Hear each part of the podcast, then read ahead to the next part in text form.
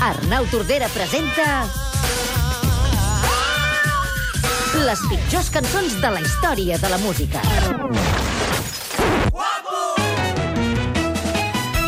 Guapo, m'ho diuen quan passejo. I a aquesta hora em fa una il·lusió immensa saludar al suplement d'estiu l'Arnau Tordera. Arnau Tordera, bon dia. Bon dia. Com estàs, Arnau? Home, fantàsticament, enormement content de compartir aquesta, aquesta vetllada amb vosaltres. Benvingut al suplement, eh? L'Arnau és l'ànima dels obeses, és cantant, és compositor, és arranjador, és guitarra, és intèrpret, és filòsof. Em deixo alguna cosa? Segurament, però tampoc faria falta mencionar-les totes. Aquest estiu tenim la gran notícia que l'Arnau ens acompanyarà cada dissabte i diumenge a aquesta hora per presentar-nos, atenció, una llista musical molt personal que hem batejat com les pitjors cançons de la història de la música. Arnau, Exactament, es tractarà de fer un repàs sobre diferents àmbits no? i fer una selecció acurada i absolutament professional de quines són aquestes pitjors cançons de la història de la música. I ja trobaràs prou material per poder fer seccions durant tot l'estiu? Jo crec que el més complicat serà fer una selecció, perquè en Per efecte criba. podríem estar 24 hores escoltant aquest tipus de material i ens, ens acabaria la vida i encara sonaria. si et sembla, en aquesta primera edició el que podem fer és acotar una mica la temàtica. Eh, T'hem proposat fer rock català. Tu a partir d'aquí has triat, has escollit cinc cançons i la primera, em fa una mica de por posar-la, però sona així. Nascut entre Blanes i Cadaqués, molt tocat per la tramuntana.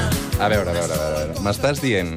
És un clàssic dient- dels dient clàssics. que l'Empordà de Sopa de Cabra consideres que és de les pitjors cançons de la història de la música? Home, mereix estar al cim, al cim d'aquesta categoria, sens dubte. En efecte, per moltes coses, però una de les que m'agradaria remarcar principalment és que, diguéssim, que gairebé la cançó més famosa de la història del rock català comença amb una paraula amb l'accent creuat. És a dir, Què vol dir això? A veure, explica'ns-ho. Bé, un accent creuat, evidentment, és quan l'accentuació pròpia del cant no s'adequa a l'accentuació pròpia de la llengua de la paraula, no?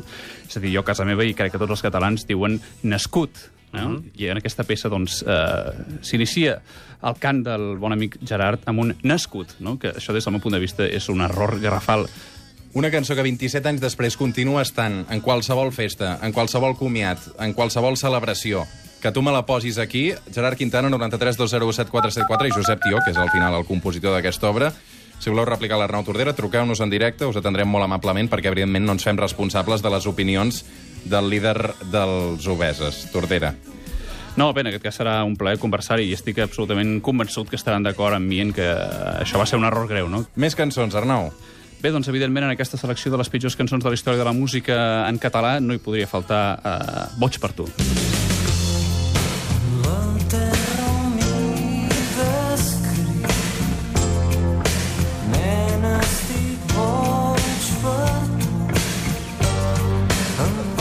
Des del suplement demanem disculpes a Pep Sala, evidentment, eh, per les opinions de l'Arnau Tordera. Pep, també ens pots trucar, 93 201 7474. Arnau Tordera, per què Boig per tu és la pitjor cançó de la història de la música? Bé, no sé si algú s'ha parat mai a pensar en què està dient aquesta peça, és a dir, més enllà de la cosa coneguda per tothom que és una peça amorosa dedicada a la lluna. És a dir, això metafòricament queda molt bé, però ens hem, ens hem parat mai a pensar què està significant això? És a dir, Tu saps la de gent que s'ha enamorat amb aquesta cançó, no? Tu saps la de relacions? No. La, la vegades que s'ha fet l'amor amb aquesta cançó de fons? espero que De no. petons que s'han donat? És a dir, quina mena de nit, fet? nit apassionant pots tenir escoltant aquesta cançó de fons? Vols que t'ho expliqui o que t'ho demostri? I em sembla una nana. Ai, ai, ai, ai, ai, ai. És el, és el primer dia, Roger, sisplau, una, una mica de tranquil·litat.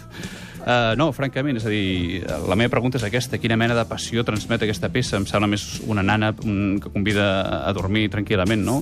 A part, és a dir, hi ha una parafília realment destacable, no? Parafília. Tu t'has fixat amb la parafília. Sí, és a dir, és un senyor, eh, amb veu de Carles Sabater, grandíssim cantant, eh, evidentment, però que eh, està parlant directament a la Lluna. Eh? És a dir, està personificant aquest astre, aquest eh, satèl·lit de la Terra, i no només això, sinó que hi ha una cosa que és que a mi em deixa perplex, que o sigui, li diu nena. Sigui, és un senyor és un senyor que no només parla amb la lluna, mostrant així una parafília increïble, sinó que a més té la indecència d'anomenar-la nena. És a dir, jo, jo m'imagino aquest Se la senyor fa seva. Se caminant, la seva, caminant a la nit, no sé què, la veu i diu, ei, nena. saps? O sigui, realment em sorprèn, però bé. Més cançons, Arnau. Sí, Sense tu jo no puc, sense tu si no hi ets, sense tu Jo no sóc ningú. Home, Carai, aquest és un hit de capa. pulseres vermelles de l'any 2011 que tota l'adolescència catalana va quedar impregnada d'aquesta sèrie de TV3 gràcies a aquesta canció, Teràpia de xoc. Sí, sí, així estem. És a dir, som responsables de tots els episodis que, que succeeixen al llarg de la nostra història. Bé, eh, Teràpia de xoc té cançons extraordinàries, però, evidentment, aquesta no és una d'elles. Eh, hem de comptar que Sense tu té un total de 3.000 visionats a YouTube avui en dia. Eh, la mateixa xifra, curiosament, que Jennifer. 3 milions. Exacte. 3 milions de visionats. Sí, sí, sí. 3 milions, déu nhi I ara mateix aguantaran, perquè ho estem explicant a Catalunya Ràdio, evidentment, Home. suposo que la gent anirà de pet a, Ara, a la xarxa. ara estarà al quart. Sí, en aquest sentit, és a dir, evidentment la peça s'inscriu en un sentimentalisme absolutament naïf, però bé, deixant de banda la lletra, hi ha, un, la lletra de la, de la tornada, aquesta, hi ha una part final que em crida Saps què molt passa. Arnau? Que tu no saps què és estar enamorat. Perquè això s'escriu des de l'amor, des del sentiment, des de la passió... Tots aquests, eh? Escapa. I, i, en- I tu, com que no tens sentiments, doncs, evidentment, amb OBS ets incapaç de fer lletres com aquestes. No, no, deu ser això, és que no, no hi trobaria cap altra explicació, eh? Però, evidentment, jo llegeixo un vers que diu si no estàs aquí, si no estàs amb mi, jo no et puc mirar, jo no et puc sentir. És a dir, em sembla una observació digna de- d'un catedràtic, no? Bé, en aquest sentit, no puc fer més que deixar que soni i que enamori a, a gent amb el mateix gust que Roger Escapa.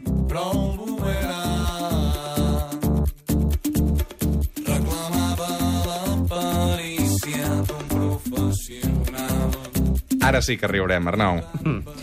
Aquests són els Manel. Aquests són els Manel i això és Boomerang. Exactament, exactament. Què passa amb els Manel, Arnau? No, amb els Manel res concretament. És aquesta peça que ha entrat dins la meva selecció de les pitjors cançons de la història de la música en català. Estem davant, possiblement, de la cançó més repetitiva de la història de, de la música autòctona. 5 minuts i 7 segons d'una constància reiterada. He fet tot una anàlisi, és a dir, sempre... Realment, Manel, un grup eh, que ve de gust entrevistar, eh? Fàcil, eh, Bé, no he tingut l'oportunitat, eh? Tampoc eh, crec que... que no contesta en monosíl·labs, vull dir que no, molt bé. No, no, I, sí. i d'aquesta peça què, què hi has trobat? Doncs bé, jo he fet un, tot un anàlisi eh, melòdic de la peça en qüestió, és a dir, sempre era una cosa que em quedava molt l'atenció, no? l'argument melòdic de Manel, però en aquest cas he volgut ser professional no? i analitzar-ho des del punt de vista absolutament tècnic. I bé, resulta que la melodia d'aquesta peça eh, s'inscriu entre la nota si i la nota sol, d'acord? És a dir, això est, eh, estem parlant d'una sisena menor, d'acord? És un interval realment petit per tot el desenvolupament de, melòdic d'una peça i bé, això demostra en aquest sentit eh, i dona eh, vigència a l'anàlisi que jo he fet de la peça, que és un, un element a dir, reiteratiu, repetitiu... Que té el mateix to, el cantant, vols dir? Exacte, és a dir, no només això, sinó que el seu desenvolupament melòdic s'inscriu en, en un àmbit molt limitat de, de registre musical. Si do, re, mi, fa, sol. Exactament. Ja està.